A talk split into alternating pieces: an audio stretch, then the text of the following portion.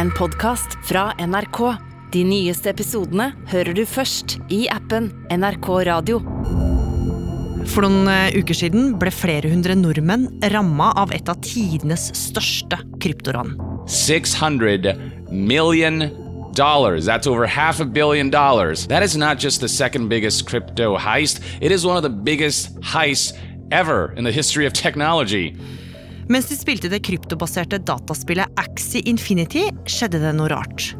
Plutselig var spillkontoene deres tømt for enorme pengesummer. Og bak ranet står en berykta nordkoreansk hackerliga. Det er jo litt pussig å stå og snakke om et uh, spill med små, søte figurer, som da klarer å få en såpass stor økonomi, og disse pengene ender opp som masseødeleggelsesvåpen i Nord-Korea. Hvordan klarte de det, og hva vil de egentlig? Du hører på Oppdatert. Jeg heter Gry Veiby.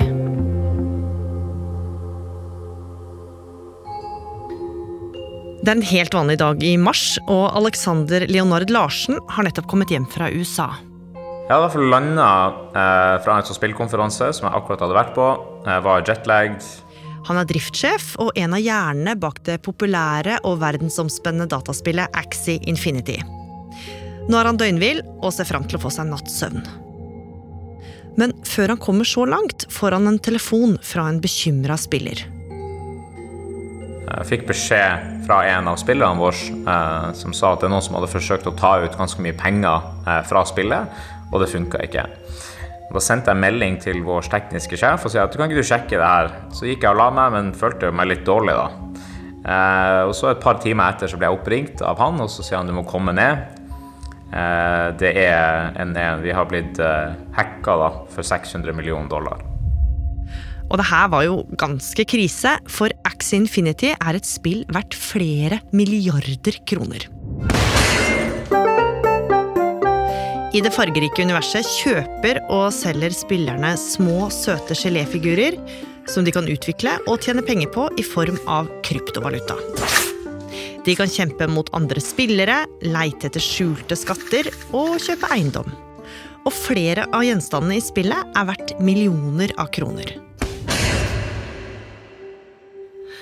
Så når Alexander nå fikk beskjed om at noen hadde hacka seg inn i spillet, skjønte han at kontoene til de over to millioner spillerne antagelig var i gang med å tømmes. Da er man jo litt i sjokk. Går ned, setter meg på kontoret mitt, leser igjennom den debriefen det tekniske har laga, og, får egentlig oversikt over akkurat hva som har skjedd, eller det vi tror har skjedd. Og så begynner vi egentlig ganske fort på problemløsning. Så man, man setter følelsene litt til side. Selvfølgelig tenker man jo inni seg oi, shit, det her er jo et helt utrolig stor, en stor pengesum som kanskje ikke lar seg gjøre. Er virkelig alt det vi har jobba for i løpet av over fire og et halvt år nå, ferdig? Og med det starta et omfattende arbeid for å få stoppa hackerne. Etter hvert skjønner Alexander at de trenger hjelp fra politiet. Siden selskapet er stort i USA, blir også FBI kobla inn. Men selv om politiet nå er på saken, er spillerne bekymra. De har tilsynelatende tapt millioner og kommer med kritikk av Alexander og de andre sjefene. Så Alexander han skjønner at han må gjøre noe for å unngå at spillerne slutter å bruke spillet. Han ringer investorene, som blir enige om å betale spillerne tilbake det hackerne har tatt. Men selv om spillernes penger nå er på vei tilbake, så er jo fortsatt det store spørsmålet hvem som står bak. Og her har FBI tidlig en sterk mistanke. De tror at det er den berykta hackergruppa Lasarus som er ansvarlig. Lazarus, now one of the most successful Bitcoin theft rings on earth, continue to target crypto exchanges. And according to recent UN reports, there's pretty strong evidence that this cash was used to advance North Korea's nuclear program.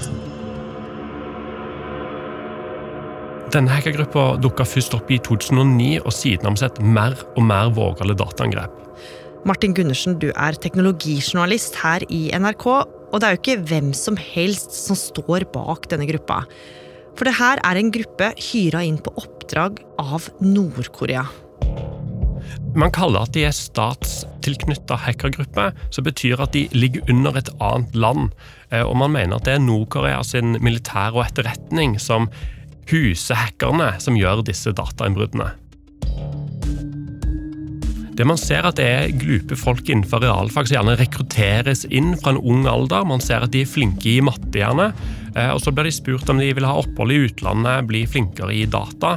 Eh, og så enten jobber de som vanlige IT-utviklere, eller så jobber de med datahacking på vegne av den nordkoreanske stat. Det som er interessant er at De sitter ikke i Nord-Korea, fordi data inn og ut av Nord-Korea det overvåkes veldig nøye, og det er nesten ikke internett i Nord-Korea. Derfor sitter de gjerne i Kina, India og Hviterussland, og så angriper de andre fra der.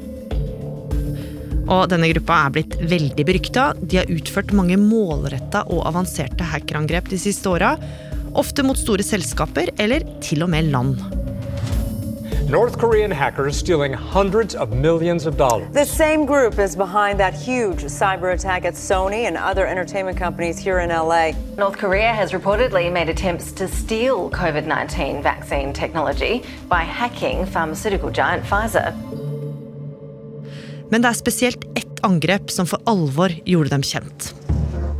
Amerikanske etterforskere mener Nord-Korea står bak datainnbrudd hos det amerikanske filmselskapet Sony Pictures.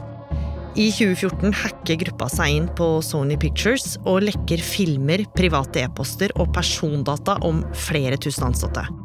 Alt for å hindre at selskapet skulle gi ut en film som parodierte Nord-Koreas leder Kim Jong-un. Let's do it. You two are going to be in a room alone with Kim. We got the interview! The CIA would love it if you could take him out. Hmm? Take him out. Like for drinks? Like to dinner? Take him out in the town? No, uh, take him out. You want us to kill the leader of North Korea? Yes. Det hele får enorme konsekvenser for Sony og setter Lasarus-gruppa på kartet som noen av de mest avanserte hackerne i verden. Og nå har de altså hacka seg inn på det norske spillet og tatt ut milliarder av kroner. I slutten av mars ble det stjålet kryptovaluta verdt mer enn 5 milliarder norske kroner i et angrep mot spillet Axie Infinity. Amerikanske FBI mener det er ei nordkoreansk hackergruppe med bånd til den nordkoreanske staten som står bak. FBI og norsk politi satte i gang med å kartlegge hvordan hackerne har klart det denne gangen. Og de fant ut at måten de hadde gjort det på, det er å bruke en ganske velkjent metode, Martin. Det skal ha skjedd at hackerne har sendt mail til ansatte i selskapet, og at en av disse mailene har hatt et infisert Word-dokument som noen har åpna. Eh, når de åpner det, så har man fått mulighet til å ta kontroll over deres datamaskin.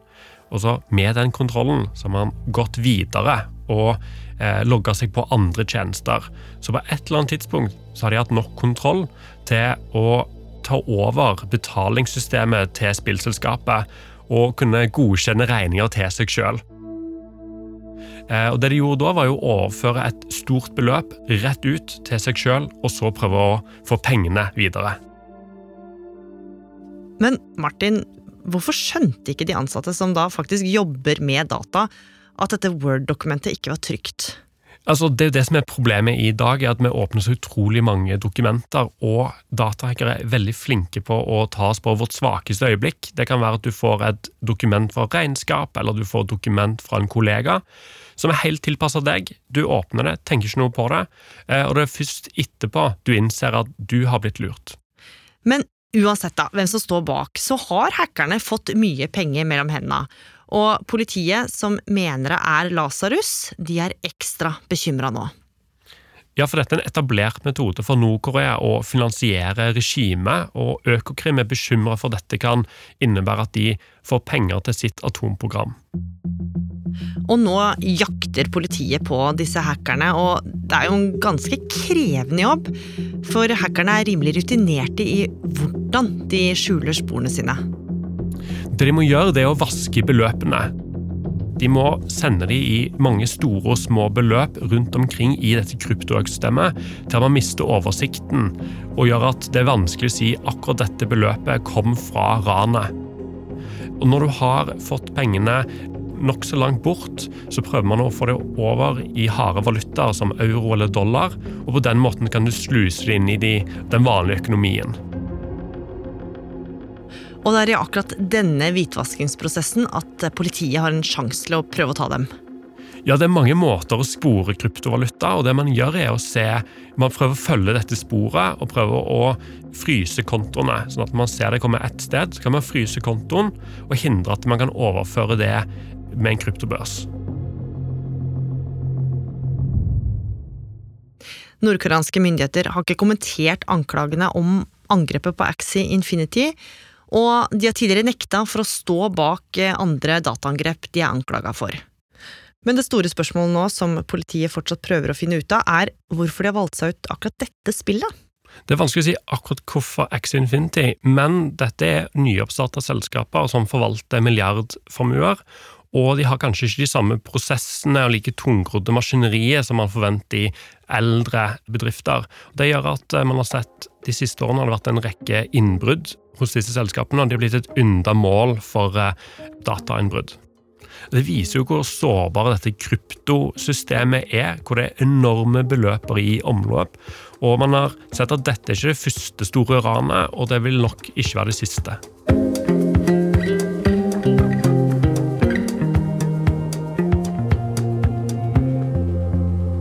Oppdatert er en podkast fra NRK Nyheter, og denne episoden er laga av Lars Hægeland. Andreas Berge. Og meg, Gry Veiby. Programredaktør er Knut Magnus Berge. Du har hørt klipp fra Vice, CBS, Sky News, TV 2, YouTube-kanalen Yang Yi, Axie Infinity og NRK. Send oss gjerne tips eller innspill på oppdatert krøllalfa nrk.no. Og liker du det du hører, så må du gjerne tipse en venn om oss. Jeg er på vei hjem fra skolen. Da gikk to gutter forbi, og han ene spytter da på meg og sier da 'jævla svarting'. På slutten av 80-tallet begynner det å dukke opp hakekors og andre nazisymboler på husvegger og postkasser i Brumunddal. Innvandrerfamilier i bygda blir livredde når de blir utsatt for stadige angrep. Da så jeg bare liksom at pappa lå i gangen. Hele puta var rød, liksom. Og, og det var blod overalt. Når antirasister og en gruppe kjente nynazister møter opp på et folkemøte, blir det bråk. Vi er norsk arbeiderungdom altså, som er for norsk makt. Altså. Det må kunne gå an å si at vi er for Norge og for Europa uten å bli kalt rasister. Jeg heter Kaja Frøysa, og jeg har laget dokumentarserien 'Gateslaget i Brumunddal'. Gateslaget i Brumunddal hører du først i appen NRK Radio.